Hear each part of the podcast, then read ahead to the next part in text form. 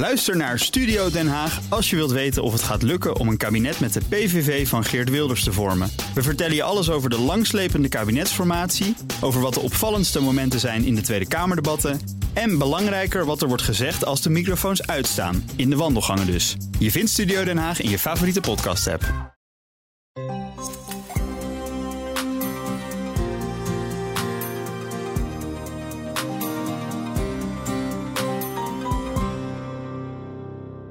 Dit is de Carbon Podcast, een podcast van Nieuwsbureau Energia en Grenzeloos Journalistieke Producties.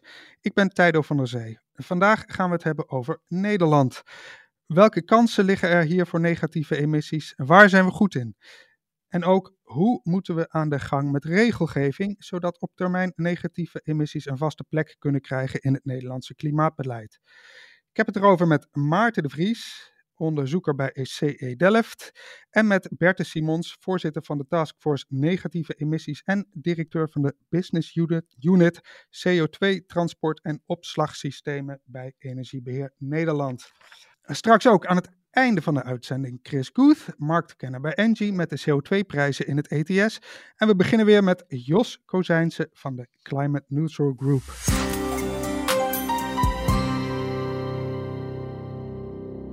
Oh Jos, wij uh, hebben het vandaag over uh, negatieve emissies in Nederland. Nou ben ik eigenlijk wel benieuwd, heb jij het idee dat er een beetje een start-up cultuur is hier uh, in Nederland? Ja, ja, we hebben echt een uitvinderslandje wat dat betreft. er is, wordt er heel lang al geëxperimenteerd met de oliefijn, dat weet je. Hè? Dus mm -hmm. men wacht nog steeds op een goede certificering, maar daar is er heel veel ervaring mee. Nou, biochar, daar werken heel veel bedrijven ook al een tijdje aan in Nederland. Nou, nu gaat het eindelijk wat groter worden.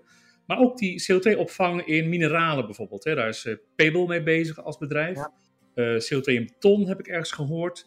Dan is er een, een, fabriekje die wil bakstenen maken waar CO2 in zit. Dus dat zijn hele mooie initiatieven. Ze zijn klein, dus je zal wel carbon credits daarmee kunnen realiseren. Uh, ik heb ergens een keer een hele lijst gezien van diverse bedrijfjes. Ik ken ze niet eens allemaal. Maar nee, het is een hele goede bodem in Nederland om dit soort dingen, negatieve emissiereducties, ja, van grond. Oké. Vertel, heb jij, uh, heb jij op de markt nog wat uh, plaats zien vinden uh, qua prijzen de laatste tijd? Nou, de normale vrijwillige markt, bos en, en, en dat soort dingen, dat loopt nog steeds heel erg traag. hernieuwbaar ook, jammer, want daar zou veel meer geld naartoe moeten.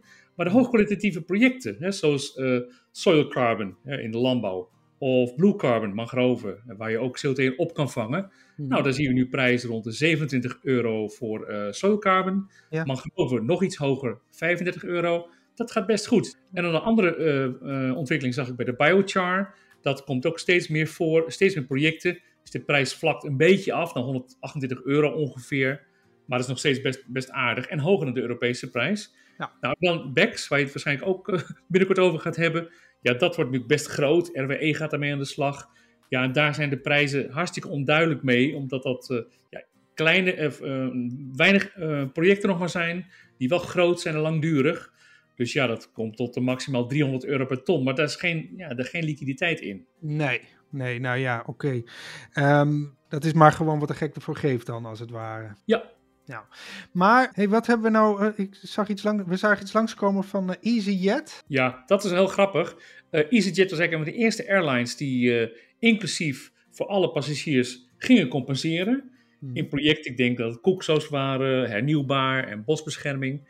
Nou, die zijn er vorig jaar met veel bombardie uitgestapt. Die zeiden, ah, offsetting doen we niet meer. We willen echte reducties. We willen sustainable aviation fuel. Maar ja, dat is natuurlijk ook niet zo heel groot aanwezig. Dus mm. gisteren kondigden ze aan um, dat ze inderdaad in een carbon removal project gaan starten, gaan, st gaan stappen van Airbus. Airbus die heeft uh, van een Amerikaans bedrijf, uh, eh, 1.5, die een direct air capture plant gaat bouwen. Uh, voor de komende jaren 400.000 ton carbon removal certificates gekocht, zou ik maar zeggen. Nou, ja. die gaat EasyJet afnemen. Dus toch wel offsetten. Maar heeft, dan... heeft Airbus ze niet zelf nodig? Ja, ja, ook. Ja, ja, ook. Dus ze zoeken een grotere uh, partijen, meerdere partijen om het dan weer af te nemen. Dat zie je trouwens overal. Hè. Die nieuwe plants, die zijn hartstikke duur. Dus dan moet je echt off-take agreements hebben die ja, miljoenen groot is. Anders gaat dat niet van de grond komen. Ja, dan is EasyJet dus eerst dus 1 of 2 euro per ton kwijt geweest. Toen hebben ze gedacht, dat gaan we niet doen. Dus dan gaan we biofuel gebruiken, maar dat was er niet. En toen hebben ze nou waarschijnlijk 200 euro per ton moeten aftikken of zoiets. Ja, want SAF zegt men, dat, dat kost al 200 euro per ton ongeveer. Dus dit direct air capture, ja, dat wordt, dat wordt uh, nou, tien keer hoger als het niet minder is. Maar men wil er gewoon van af. En dat, uh, dat, dat zie je dus vaker. Die removals met direct air capture, daar is geen discussie over. Dat is ook hartstikke duur, dus daar zal niemand kritiek op hebben. Ja, dat is dan een safe haven voor de bedrijven die, nou, die groeien, die goed gaan en die toch die reducties op een bepaalde manier moeten binnenhalen. Ja, maar dan zullen we niet meer op, voor een tientje kunnen vliegen met EasyJet naar Barcelona.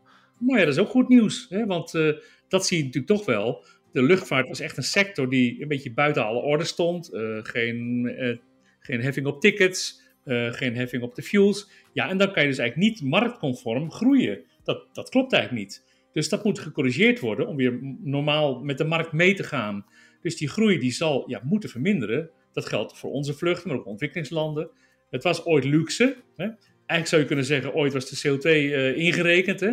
En nu niet meer. Dus ja, nu zal het duurder worden en, uh, en, en, en, ja, en schaarser. Ik denk dat dat goed is. Ja, mooi. Dankjewel, Jos.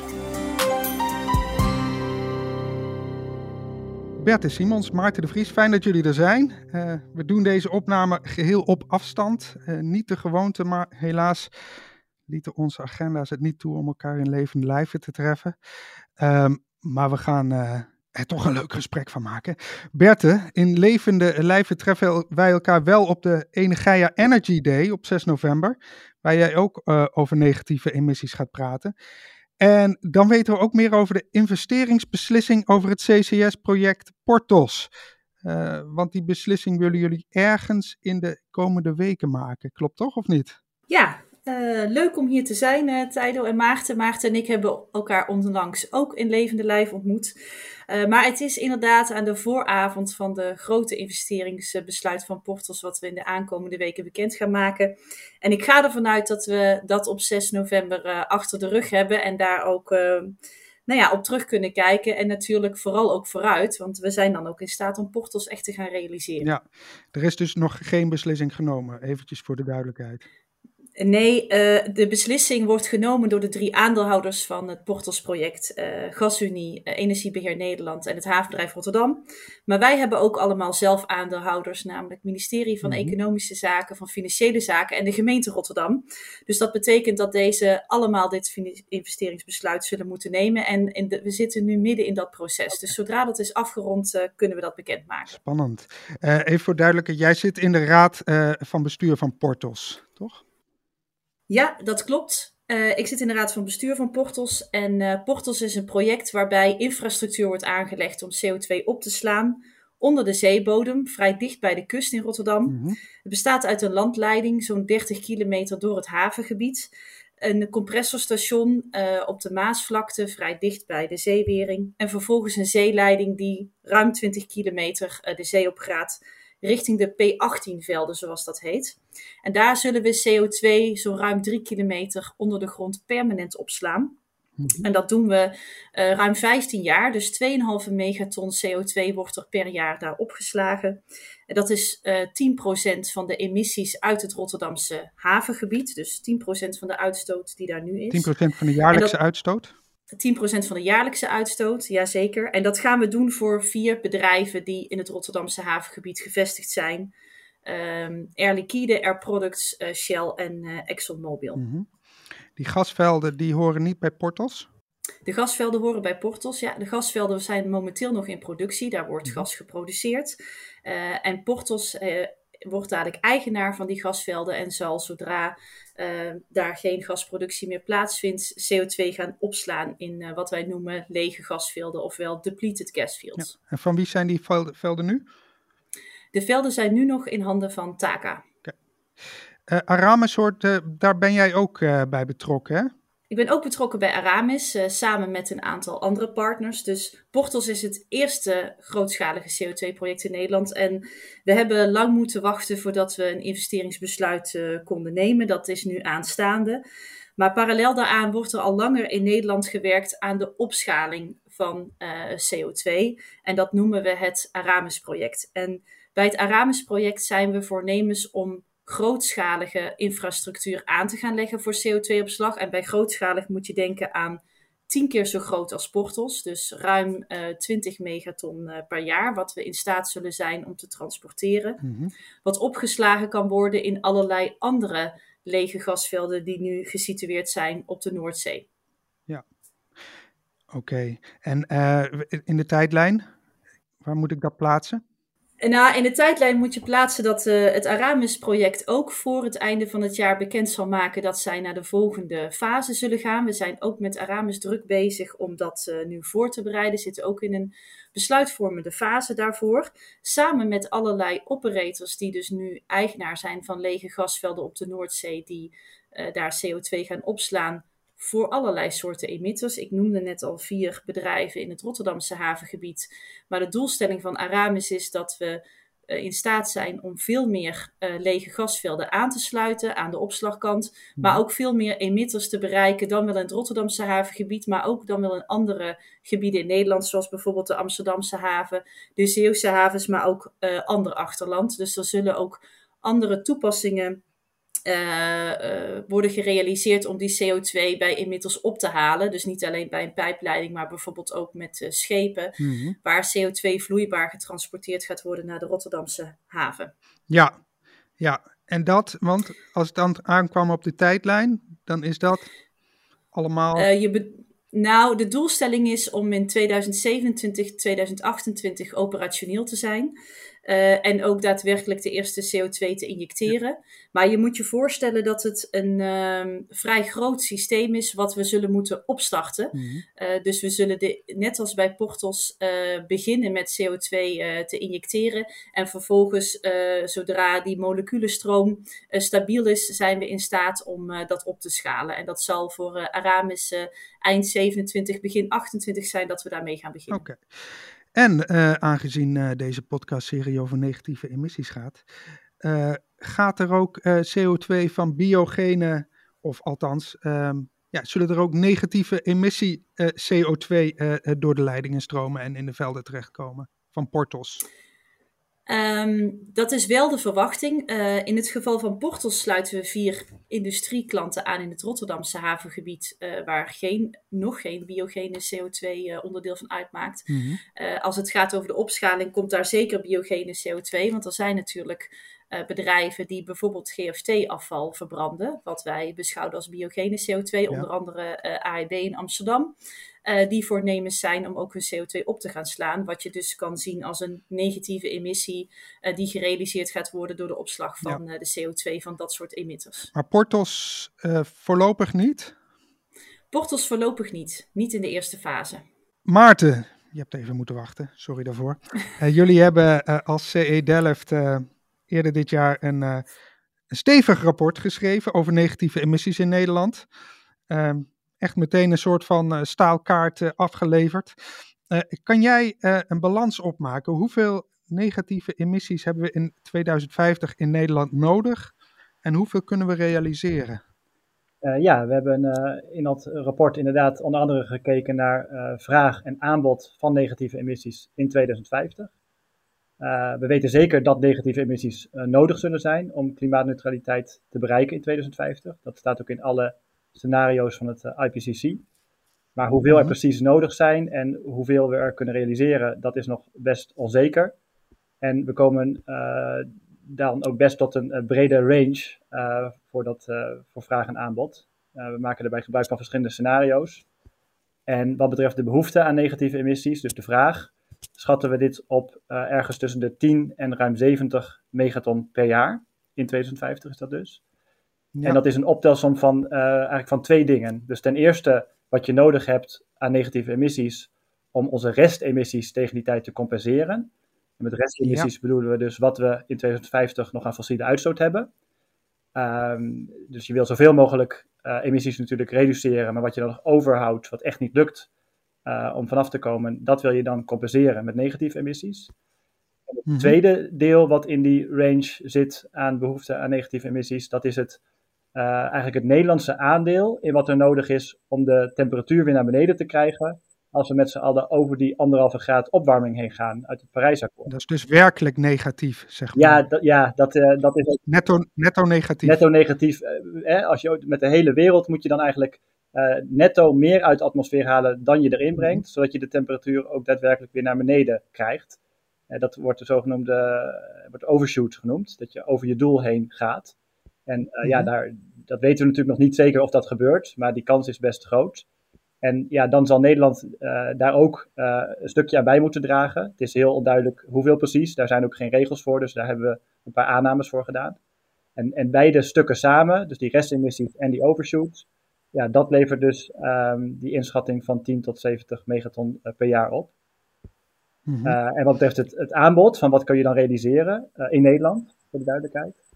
Um, nou, dat is ook echt wel heel onzeker. Uh, er zijn veel onzekerheden over nou ja, de beschikbaarheid van technieken, de betaalbaarheid van de, van de technieken tegen die tijd.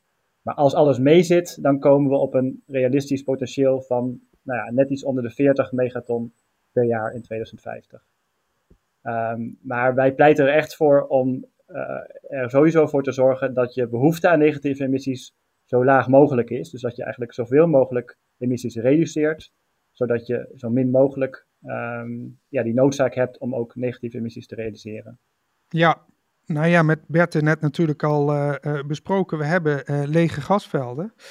we hebben de infrastructuur straks ook. Um, dus um, ja, we gaan inzetten op CCS, maar daarmee heb je dus nog geen CO2 met biogene oorsprong.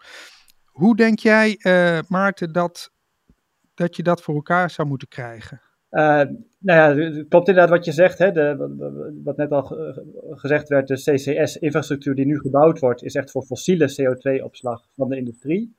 Uh, daarmee verminder je de uitstoot naar de atmosfeer, wat natuurlijk heel goed is, maar dat zijn inderdaad geen negatieve emissies.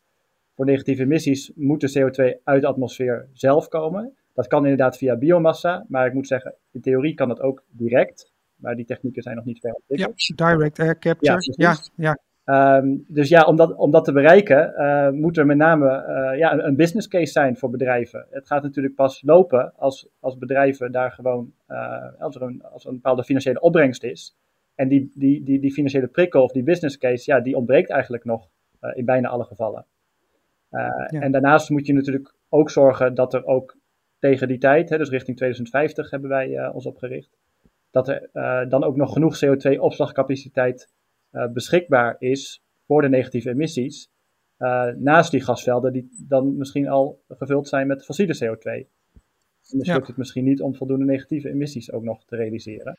Zijn die er, Berthe? Is er straks genoeg ruimte? Ja, er is heel erg veel ruimte. Wat belangrijk is, is dat de infrastructuur zodanig wordt aangelegd dat je aan die vraag- en opslagkant goed kunt schalen. En dat bedrijven in staat zullen zijn, zoals Maarten net ook al zei, om die positieve business case te maken. Um, de eerste klanten van uh, Portos, waar we het net al over hadden, zijn klanten die bezig zijn met directe reductie van CO2 uh, eh, in de atmosfeer. Hè? En uh, Maarten zei het al, dat zijn uh, fossiele CO2-emissies. Zij hebben zich als eerste bij Portos gemeld om bij te dragen aan emissiereductie en aan de klimaatdoelen. En daarom zijn zij ook de, de launching customers, zoals we dat noemen, van Portos. Ja. Naar de toekomst toe is het dus belangrijk dat ook bedrijven die bezig zijn met biogene CO2-opslag of andere mogelijkheden voor negatieve emissies in staat zullen zijn om op diezelfde wijze hun business case verder te matureren. En dat is ook de inzet van um, het, het, realiseren van deze grootschalige opslag. Want die schaalgrootte zal deze bedrijven helpen om ook met kleinere projecten, ook met pilotprojecten daarvan gebruik te maken. Ja, en, dus ook de prijs uh, voor opslag uh, te reduceren nou, niet alleen de prijs voor opslag, maar eigenlijk de prijs voor het reduceren en het realiseren van die negatieve emissies in de hele keten. Hè. Opslag is uiteindelijk het einddoel. Hè, en we gaan ervan uit dat die CO2 daar permanent blijft en daar hangt een prijskaartje aan. Maar voor heel veel van deze bedrijven uh, heeft het afvang heeft kosten en het transport van CO2 heeft ook kosten. En de doelstelling is om uiteindelijk in deze hele keten die prijs zo aantrekkelijk mogelijk te krijgen om die business cases voor elkaar te krijgen. Ja, eerder hebben wij al uh, eh, RWE in de uitzending gehad. Die uh, hebben project Bekkers. Uh, de centrale, de Amercentrale en, en de centrale in de Eemshaven moeten beide op uh, biomassa gestookt worden. En ehm, die CO2-uitstoot moet worden opgevangen en opgeslagen. En zij zouden dus in staat zijn om jaarlijks al wel 14 megaton zo aan negatieve emissies te kunnen realiseren. In, het meest gunstige geval ben je er dan al. Ja, ja, dat klopt. Dat is op zich inderdaad een significant volume aan negatieve emissies als dat eh, gerealiseerd zou worden.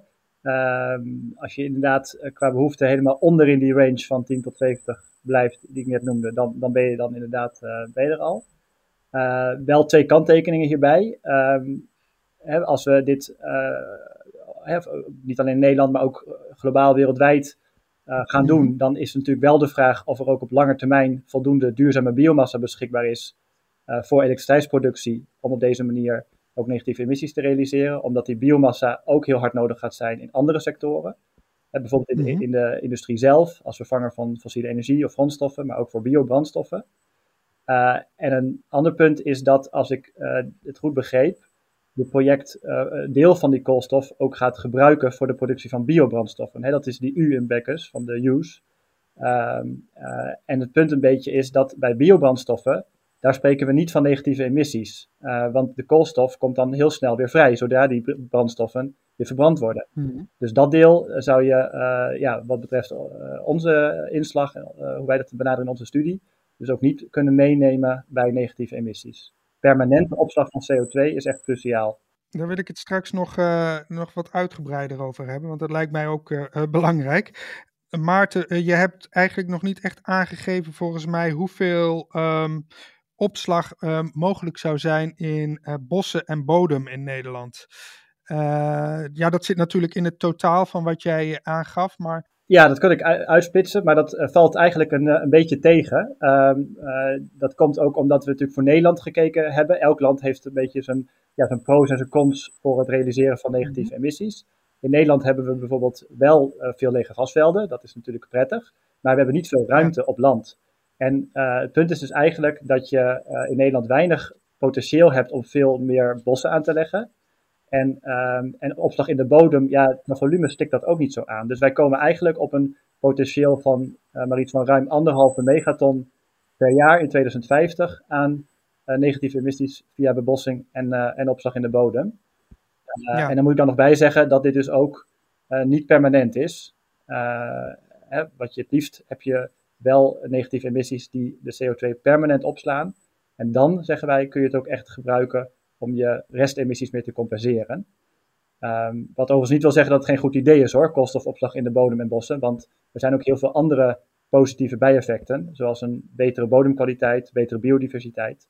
Um, het is dus even de vraag alleen of het echt, uh, ja, de, de, de, de, de duur van de opslag is natuurlijk wel beperkt. Ja, je moet maatregelen, beleidsmaatregelen natuurlijk altijd nemen uh, op basis van uh, ja, de effectiviteit. En um, zeggen jullie daarmee ook van, nou zet niet al te veel, zet, geef niet al te veel energie uh, voor dat soort beleid en richt je met name op datgene waar we grote, snelle stappen kunnen maken? Nou, we zeggen eigenlijk, richt je vooral dus op, op het verder reduceren van emissies. Hè, want hmm. hoe meer je dat doet, hoe minder negatieve emissies er nodig zijn. Uh, en ja, er zitten gewoon heel veel onzekerheden nog, nog aan verbonden. Dus reken je daarmee gewoon niet rijk. Um, en nou ja, voor de rest zeggen we eigenlijk dat je inderdaad goed moet kijken van wat is in Nederland nou logisch om te doen en om in te zetten. en op de korte termijn ligt het bijvoorbeeld nou wat meer voor de hand om te zeggen van nou, hè, de, de, de, de AVI's, hè, de afvalverbranding, wat net al even genoemd werd, biogene deel mhm. daarvan, kun je daar misschien op korte termijn al negatieve emissies mee realiseren. En, uh, en zoiets als bodem en bossen, dat moet je dus denk ik zeker doen. Maar veel meer in het kader ook van, de, hè, van het landbouwbeleid en van het, het verbeteren van biodiversiteit. Maar voor negatieve emissies zelf gaat dat niet zoveel opleveren. Nee. Over die avi's, dat is trouwens wel leuk dat je het zegt, want dat, um, uh, dat is nu natuurlijk al een internationale keten. Wij halen in Nederland best wel wat afval weg bij Europese, ja, andere Europese lidstaten, zeg maar. Dat zou op deze manier, als je daar negatieve emissies mee kan creëren, nog wel een, een, impuls krijgen. Dus dat je dat allemaal nog wat internationale markt? ja, aan de ene kant is dat inderdaad voor dat liggend en heeft ook potentieel. er is wel een issue waar wij ook in ons rapport op wijzen. En dat heeft te maken met ja, eigenlijk de accountingregels. Dus ja, de rekenregels van hoe je negatieve emissies meetelt. Het punt is namelijk dat alle landen aan de Verenigde Naties moeten aangeven ja, hoeveel, wat, wat eigenlijk hun, hun netto emissies en hun netto opslag is. Maar dat is dus echt per land, dus echt op je eigen territorium. En het ingewikkelde is dus dat als je keten van je negatieve emissies, dus ja, de productie daarvan en opslag, als die internationaal is, dan krijg je dus de vraag van ja, aan wie moet je welk deel dan toerekenen? En dat is een issue wat eigenlijk nog niet zo uh, opgelost is. Dus dat, ja, dat uh, benoemen wij wel in ons rapport. Uh, maar daar moet nog verder naar gekeken worden hoe je dat dan goed onderling regelt. Dus het zou kunnen zijn dat de Italianen zeggen: ja, dit uh, afval uh, uit de straten van Napels, daar willen wij ook uh, onze negatieve emissies aan toe kunnen kennen. Ja, volgens de regels moet je dus echt kijken van, van welke emissie, positief of negatief, vindt plaats op jouw territorium, in jouw land. Ja. Maar ja, daarmee wordt het wel lastig inderdaad om, als, als, als het ene land het ene deel van de keten voor zijn rekening neemt en het andere deel daadwerkelijk opslaat, andere land het daadwerkelijk opslaat, ja, dan, dan moet je dus op een andere manier uh, zo'n project eigenlijk gaan.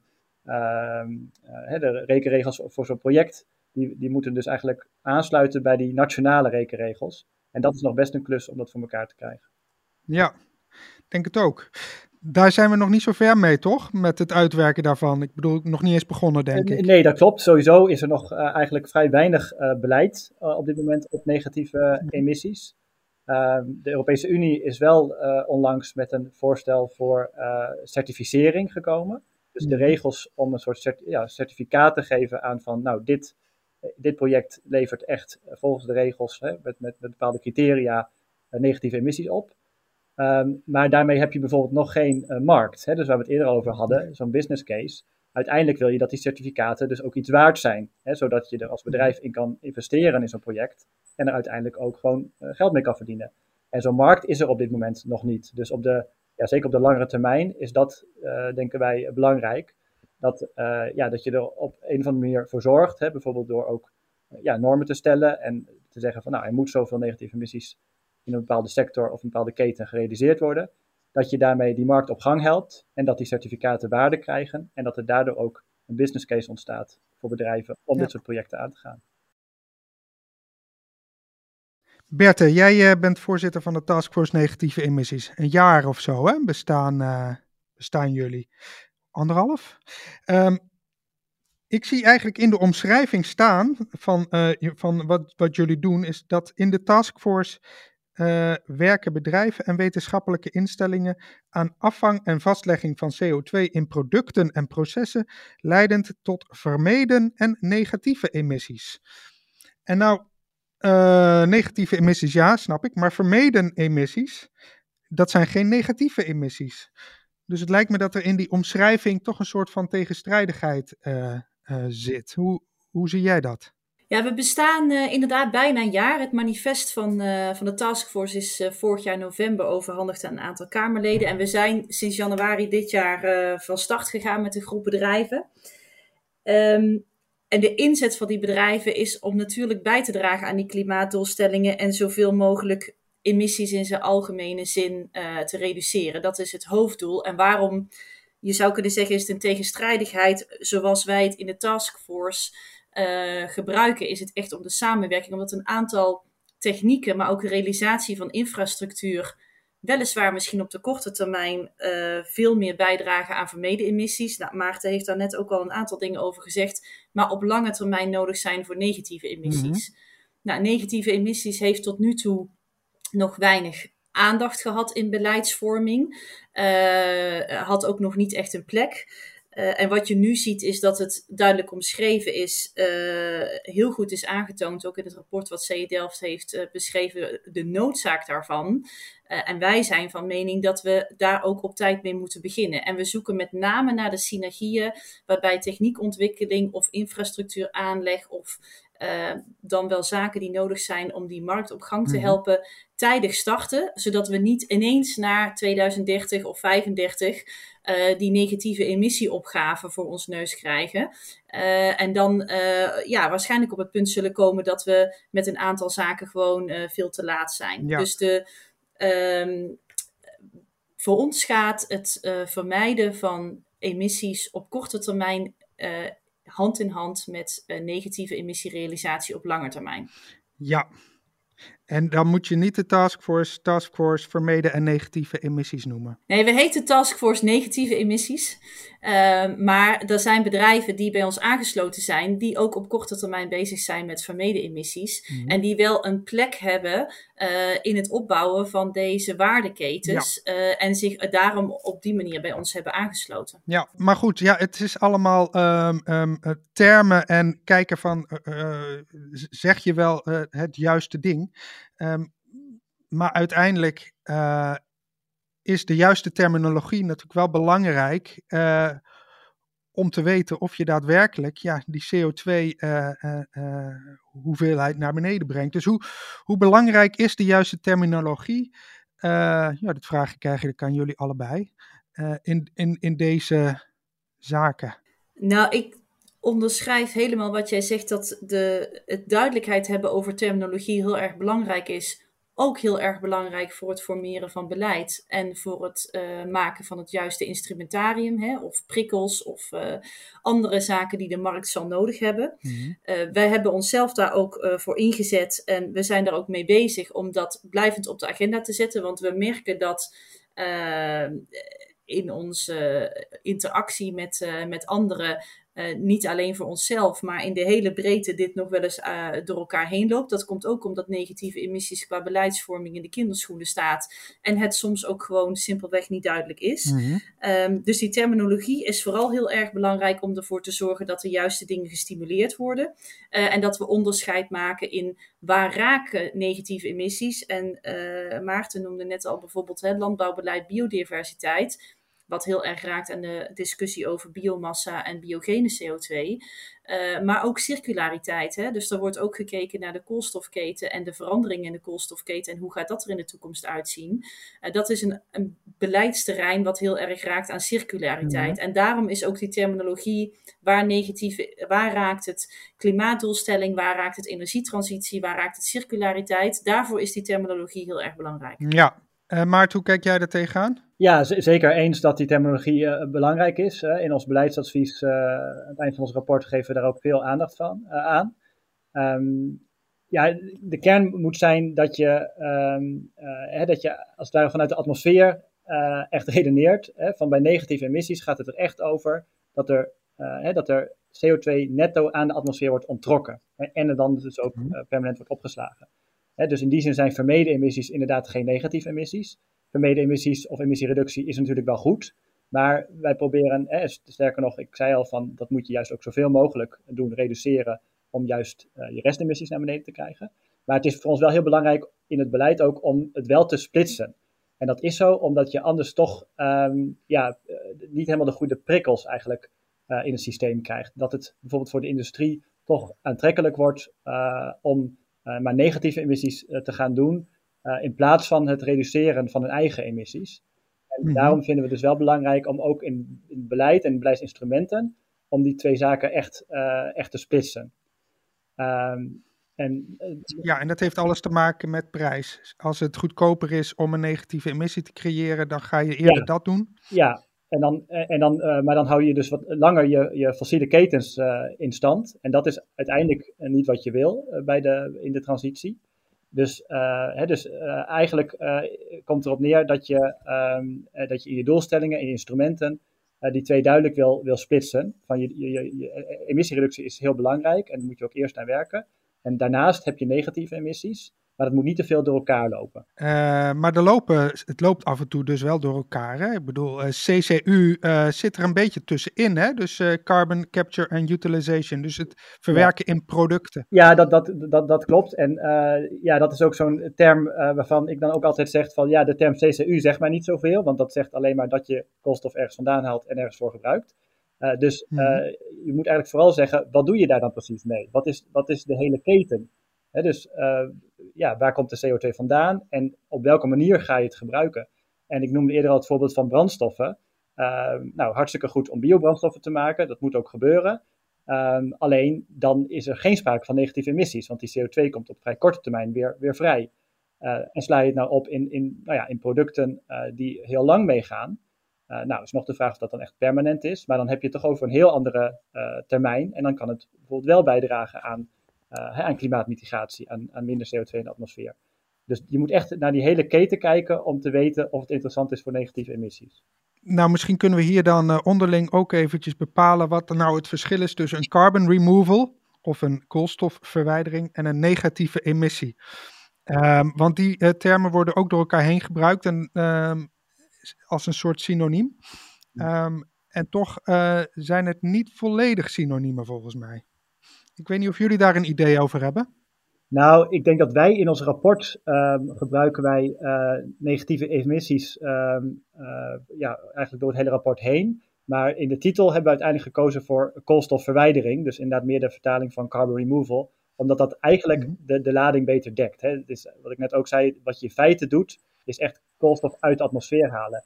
Dus in ons geval slaat het op zich wel op hetzelfde. Alleen de term negatieve emissies, die wordt inderdaad ook nog wel eens op andere manieren um, gedefinieerd. Eh, we hadden het eerder ook al over dat je kan kijken naar de hele wereld. Of je nou globaal met z'n allen netto meer CO2 uit de atmosfeer haalt dan erin stopt, hè, zodat je temperatuur weer omlaag zou kunnen gaan.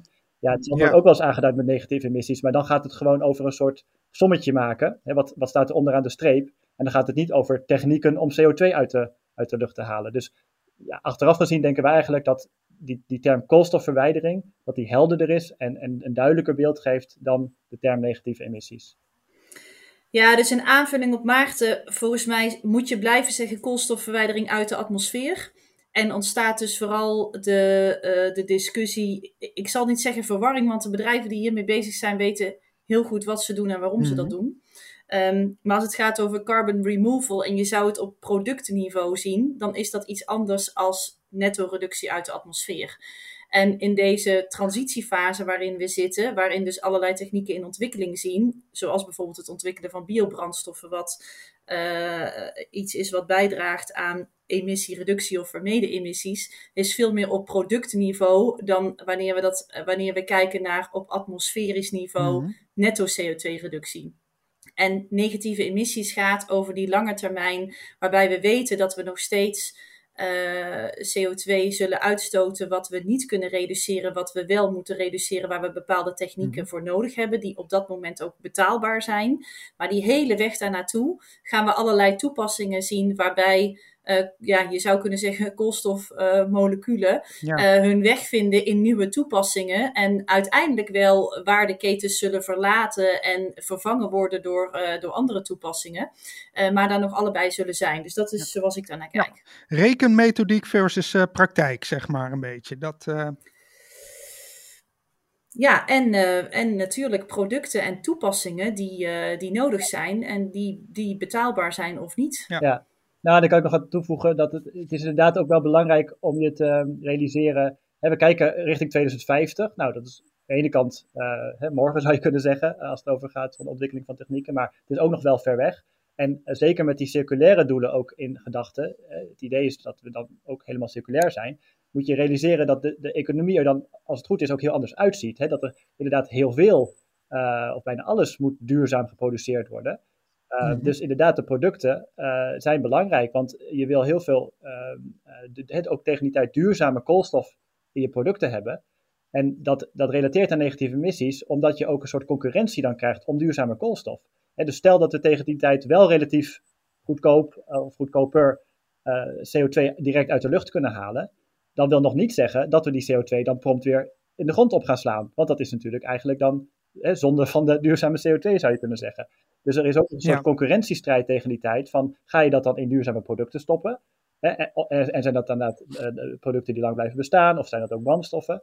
En pas daarna ga je zeggen van oké, wat gaan we ook onder de grond stoppen? Dus al die stromen die gaan tegen die tijd ook met elkaar concurreren. En het is, het is nog heel lastig nu om daar een overzicht van te krijgen. Juist ook omdat beleidskeuzes die nu nog niet uitgekristalliseerd zijn, daar heel veel invloed op zullen hebben. Ik zit heel even te filosoferen, maar ik weet niet eens of dit hierop, uh, uh, hierop goed voortbeduurt hoor. Maar zou je, zou je kunnen beargumenteren dat over 100 jaar uh, dat je de CO2 uit de velden met biogeen CO2 ja, nou ja, opnieuw zou gebruiken, zeg maar, als een soort grondstof?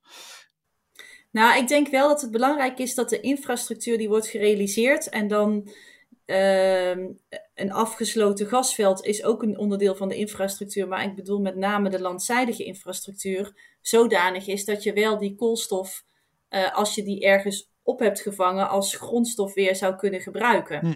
Ja, dus uh, ik denk wel dat je er op die manier naar moet kijken. Dus je, dus niet gek gedacht. Het, het, is niet nou, voor dus eeuwig. Uh, nou ja, het is heel. De eerste stap die we moeten maken is om absoluut die reductie naar beneden mm -hmm. te krijgen. En daarom uh, gaan we ook het Portals-project realiseren. Maar alle andere transities die daarop uh, op volgen, waar Maarten het net ook over had, van hoe ziet dat er dan in 2050 uit? Ja, dan moeten er een aantal van nog beginnen. Mm -hmm. Ja, dat gaat er natuurlijk heel anders uitzien. En uh, het, ik denk dat het, het havengebied in Rotterdam een mooi voorbeeld is van een ecosysteem waar al heel veel reststromen gebruikt worden als grondstoffen mm -hmm. van bedrijven met elkaar. Maar koolstof kan er daar in de toekomst ook één van worden. Ja. Interessant. Um, even kijken naar wat Nederland, wat het kabinet van plan is. Uh, we hebben het uh, Nationaal Plan uh, Energiesysteem gezien. In de zomer is dat gepresenteerd. Daarin is in kaart gebracht hoe het energiesysteem van de toekomst eruit moet zien en wat er voor nodig is om daar te komen. In dat plan staan ook negatieve emissies genoemd. wat kan jij daarover zeggen, Berthe? Nou, ik denk dat het heel belangrijk is dat het NPE is ge gepubliceerd. En ook dat er nu een periode is waarbij er consultatie is over het NPE. En het NPE gaat over een klimaatneutraal energiesysteem. Waarbij dus allerlei bronnen en toepassingen zullen veranderen uh, richting 2050. Mm -hmm. En dat raakt dus aan al die zaken waar we net uh, over spraken. Um, en ik vind het heel positief dat negatieve emissies daar een plek heeft gekregen. En dat ook het onderzoek van CE Delft daar natuurlijk uh, de bouwsteen voor is geweest. Mm -hmm. Uh, omdat dat ook de dialoog opent om nu al te praten over de keuzes die gemaakt moeten worden om na 2050 toe die negatieve emissies te kunnen realiseren. Dus ik zie de, de verbinding die eigenlijk is gekomen in het NPE uh, over al die verschillende transities die plaats moeten vinden en die natuurlijk met elkaar samenhangen, uh, als een heel duidelijk, uh, duidelijk signaal. En het is toch ook wel voor een deel het start zijn om beleid te gaan vormen op het gebied van negatieve emissies. Ja, maar wat moet er nou eerst gebeuren als het aankomt op beleid? Nou, wat er, wat er moet gaan gebeuren is dat dit uh, verankerd wordt en duidelijk een plek krijgt. Uh, er is een motie aangenomen eerder dit jaar om een routekaart uh, mm-hmm. op te gaan stellen voor negatieve emissies. Nou, afhankelijk van hoe de verkiezingen zullen zijn na 22 november zal duidelijk zijn ja, waar dat waar dat plaats gaat vinden en wie daar de verantwoordelijkheid voor krijgt. Uh, wij zijn als taskforce daar natuurlijk uh, bij betrokken en zijn er heel positief over dat die routekaart er gaat komen. Uh, maar ik denk ook in afwachting daarvan dat in de, in de groep van bedrijven die lid is van de taskforce, we natuurlijk niet gaan wachten, maar ook gaan kijken of het mogelijk is om op het gebied van negatieve emissies pilotprojecten te starten of gewoon voorstellen te doen van mm-hmm. dingen die we concreet kunnen doen tot 2050. Hè? Want het, het uh, moeilijke van een routekaart is dat je daar toch al een aantal aannames moet doen over doelstellingen voor negatieve emissies. Nou, Maarten noemde daar ook al eerder zaken over. Daar, daar krijg je uiteindelijk keuzes in. Hoe wil je dan dat dat eruit ziet? Nou, het kan zijn dat dat nog best wel vroeg is in 2023. Dat het belangrijker is om te kijken waar we die markt op gang kunnen krijgen. Uh, en dat we langer de tijd nemen om na te denken over ja, de kenmerken van hoe het er tegen de tijd dat het 2050 is uitziet. Ja, um, en, maar je zegt we kunnen alvast met projecten starten. Maar dan kan ik me tegelijkertijd voorstellen dat je her en der nog uh, misschien op regelgevingsgebied wat barrières ziet voor negatieve emissie, emissies. Um, dus ja, je kan zeggen, oké, het is mooi dat er een routekaart wordt uh, gemaakt, maar heb je zelf dan ook al, zeg maar, soort van beleidsadviezen?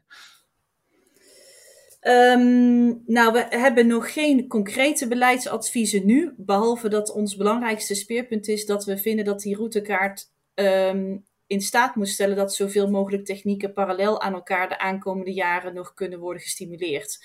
Dus dat zou het belangrijkste beleidsadvies zijn. Dat is ook eigenlijk iets wat we hebben besproken in de presentatie van het rapport van uh, CE Delft bij de taskforce. Uh, we kunnen eigenlijk nog niet een van de routes uitsluiten. Dus het is belangrijk om toch nog voor een bepaalde periode zoveel mogelijk te stimuleren en te kijken welke technieken uiteindelijk het meest uh, kosteneffectief en schaalbaar zijn. Ja, Maarten, heb jij uh, beleidsadvies? Uh, ja, zeker. Dat was inderdaad ook een onderdeel van onze, onze studie. Um, wij stellen daarin ook voor een, ja, een routekaart of roadmap te ontwikkelen. Dus nou ja, daar wordt met dank aan de motie wordt, gehoor aan gegeven. Um, en ja, op korte termijn zeggen we eigenlijk moet je vooral zorgen voor een, voor een duidelijk beleidskader. Hè? Dus dat betekent vooral nou, bijvoorbeeld die definitie waar we het net over hadden, dat je dat goed vastlegt. Maar ook die, uh, die accountingsregels, die rekenregels waar we het eerder over hadden. En bijvoorbeeld uh, monitoring, hè, hoe, hoe, hoe zorg je dat dat goed gebeurt? Dat je, dat je kunt vaststellen of die CO2 bijvoorbeeld wel echt vastgelegd blijft of toch weer ontsnapt. Dat je dat allemaal goed voor elkaar hebt. En daarnaast, um, uh, en dan ben ik het eens met uh, Bert, dan moet je vooral kijken van hoeveel, um, uh, ja, op, op welke manieren kun je initiatieven of technieken die nu nog niet commercieel beschikbaar zijn, ook verder mm-hmm. steunen en verder laten ontwikkelen. Hè, bijvoorbeeld met, met subsidies. Um, zeker hè, de, die techniek die we al een paar keer noemden van direct air capture. Nou, dat, die staat nu nog in de kinderschoenen. Maar in theorie zou het natuurlijk een enorm potentieel kunnen hebben als je uh, hè, als je direct CO2 uit de atmosfeer kan halen. Maar dan moet het wel inderdaad kosteffectief, kosteffectief zijn. Het is nu nog, uh, nog erg duur en het, ja, het kost ook erg veel ruimte. Um, dus maar, je moet inderdaad kijken van... Zegt, die accounting, dat, is, daar moet, dat moet komen, maar dat, is, dat gaat Europees geregeld worden. Dus daar hoeft Nederland zich verder niet... Ja, we kunnen natuurlijk nou, in Europees wel... verband wel adviezen geven, maar het is goed, ja, het is wel goed dat, dat Nederland uh, daar denk ik alvast over nadenkt. Hè? En uh, dat geldt ook wel voor meer zaken. Bijvoorbeeld het ETS, het Europees Handelssysteem, daar komt in 2026 ook een, een voorstel of daar bijvoorbeeld negatieve emissies in komen te, of, daar, of daar onderdeel van worden. Nou, dat zien wij bijvoorbeeld dus als een risico, omdat je dan dus wel je emissiereductie en je negatieve emissies onder één instrument brengt. Dus daar moet je al goed ja. over nadenken van wat wordt dan inderdaad je inbreng in, uh, ja, in de discussie eh, die plaatsvindt in de EU. maar het is zeker zo dat dat soort zaken op Europees of zelfs internationaal schaal moeten worden geregeld. Dat is absoluut waar. Ja. En voor Nederland moet je vooral kijken van, ja, veel kan parallel plaatsvinden, maar op een gegeven moment moet je ook wel, denk ik, gaan kiezen van, nou, wat is nou logisch om in Nederland verder te ontwikkelen. Hè, wat ik eerder ook noemde, elk land heeft zijn eigen ja, zijn eigen uh, voor- en nadelen wat betreft uh, negatieve emissies. Dus ik denk wel dat je op een gegeven moment kan zeggen van nou, wat is nou logisch om als Nederland verder te gaan doen? Of wat kun je beter overlaten aan onderzoek of ontwikkeling in, uh, in andere landen? Daar sluiten wij mee af. Dank jullie wel. Ja, Berthe Simons en Maarten de Vries. Dankjewel.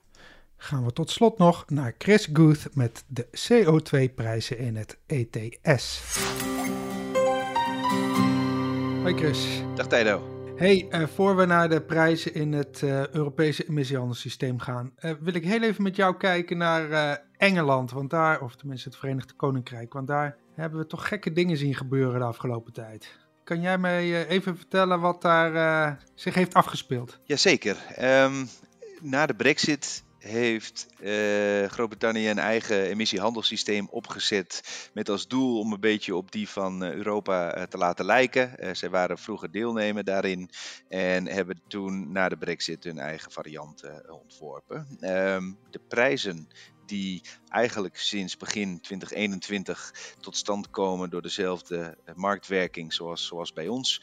Um, dat liep redelijk parallel op tot ja. aan ergens Q2 dit jaar. En met eind Q3 een dieptepunt kost een emissierecht voor een ton CO2-uitstoot in Groot-Brittannië eh, nog maar 40 euro. Terwijl dat hier nou ja, rond de 80 was op dat moment. Dus het was bijna dubbel zoveel. Het is een politiek element en uh, als de wind een bepaalde uh, kant op gaat waaien in de politiek, dan zie je daar dat dat ook doorcijpelt in zo'n toch wel politiek handelssysteem, wat het emissiehandelssysteem is. Ik denk dat dat Maar is. goed, we hebben dus wel eh, daarna nu de afgelopen weken in één keer dan toch weer een behoorlijke opleving gezien. Ik weet even niet precies wie, waar die nou staat. Ehm, maar die is Ik heb hem voor niet- me. Wij staan op net geen 60 euro per ton. En dat is dan van Britse ponden omgerekend naar euro. Dus dan is dat eh, toch weer een stijging van 50%. Ja. Ja. Hoe komt dat dan weer? Zij hebben eh, hun veilingsplannen eh, kenbaar gemaakt voor Ja. eh, 2024. En daaruit blijkt dat het voor voornemen om de hoeveelheid rechten te gaan veilen volgend jaar met bijna 13% is afgenomen. Oké. En dat is ambitieuzer dan waar de markt vanuit ging. En ehm, nou ja, een, een, een, een- hele goede aanleiding om eh, ook de prijs eh, eh, daarvan te herijken, zeg maar. Ja. Ik las ergens dat ze ook van plan zijn om een soort van Market Stability Reserve in te gaan bouwen. Klopt. Je merkt toch, en dat die, die, die ja, fout, eh, die, die leercurve hebben wij ook in Europa eh, door moeten gaan. Als je gewoon het aanbod vrij statisch jaarlijks allokeert. Mhm. Ehm, in de praktijk betekent dat dat het economisch gezien in een bepaalde sectoren het sommige jaren heel goed gaat en de andere jaren weer wat minder. Dus je ziet ook dat de vraag naar emissierechten een beetje meedijnt met de conjunctuur. En als Ja. je aanbod dan vaststaat en er is een jaar waarin de vraag wat lager ligt dan normaal, dan zie je daar eh, de prijs op, op reageren. Nou ja, om dat te temperen hebben ze in Europa in ieder geval het systeem aangepast dat ook de aanbodkant eh, van de medaille kan fluctueren. En eh, ja, dat lijken ze nu ook voornemens te doen in, eh, in eh, Groot-Brittannië. Ja. En Ja, je kan het ook gewoon een beetje dom noemen. Hè? Want ik bedoel, het Verenigd Koninkrijk is er altijd bij geweest. Die hebben het helemaal meegemaakt. Dus je zou zeggen van... ehm, trek die les ook door. Ja. Of we gaan, niet opnieuw, we gaan niet opnieuw hetzelfde fout. Ja, dat klopt. Dat klopt. maar goed, hoe zit het eigenlijk in Europa? Wat zien wij, wat zien, zien we dan op de Europese Wij markt? hebben sinds de vorige keer de prijs kortstondig onder de 80 euro per ton eh, zien duiken. Mhm. Eh, iets wat we ook al hadden, hadden benoemd als, eh, als optie. Ehm, maar tot dan is de prijs weer wat opgeveerd. En we begeven ons op dit moment net onder de eh, 85 eh, euro eh, per ton. Dus die, Ja. die, die 80 euro, dat is wel een aardige stevig eh, weerstand eh, eh, gebleken. En ehm, nou ja, niet alleen op de CO2-markt, ook op gas en op gebied van elektriciteit.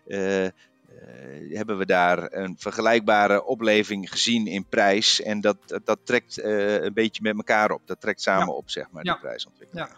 Oké. Het ligt er natuurlijk een klein beetje aan waar je een eh, lijn gaat trekken. Maar als ik vanaf de afgelopen maanden een lijn trek, door de pieken en de dalen heen, dan zie ik toch eigenlijk wel een soort van eh, licht dalende tendens. Ja, het klopt. Eigenlijk kan je wel stellen dat vanaf maart, waar we toch wel wat het hoogste punt was van, van het jaar, eh, eh, dat we even bo- boven de 100 euro hebben gestaan, dat daar wel een vrij neerwaartse eh, trend uit, Ja. eh, uit de ontleden valt. Eh, klopt, klopt. Ja. Ik zie er ook niet heel veel aanleiding om daar een trendkering te verwachten. Ik, eh, het zou mij niet verbazen als wij eh, nou ja, binnen, binnen een zienbare tijd ook wederom die 80 euro eh, gaan opzoeken. En wie weet dit keer wel wat, wat structurele gaan doorbreken. Hmm, nou ja, oké. We hopen er niet op, maar het is zoals het is, hè? De markt kan je lastig beïnvloeden op dit vlak. Yes. Oké. Hey, dankjewel Chris. Jij ook, Tijdo. Tot de volgende keer. Hoi. Dat was het voor deze aflevering. Bedankt voor het luisteren. Eh, de volgende en laatste van het seizoen komt uit op 8 november. Mis die aflevering niet en abonneer je dus op de Energia Carbon Podcast in je favoriete podcast app. Tot horens.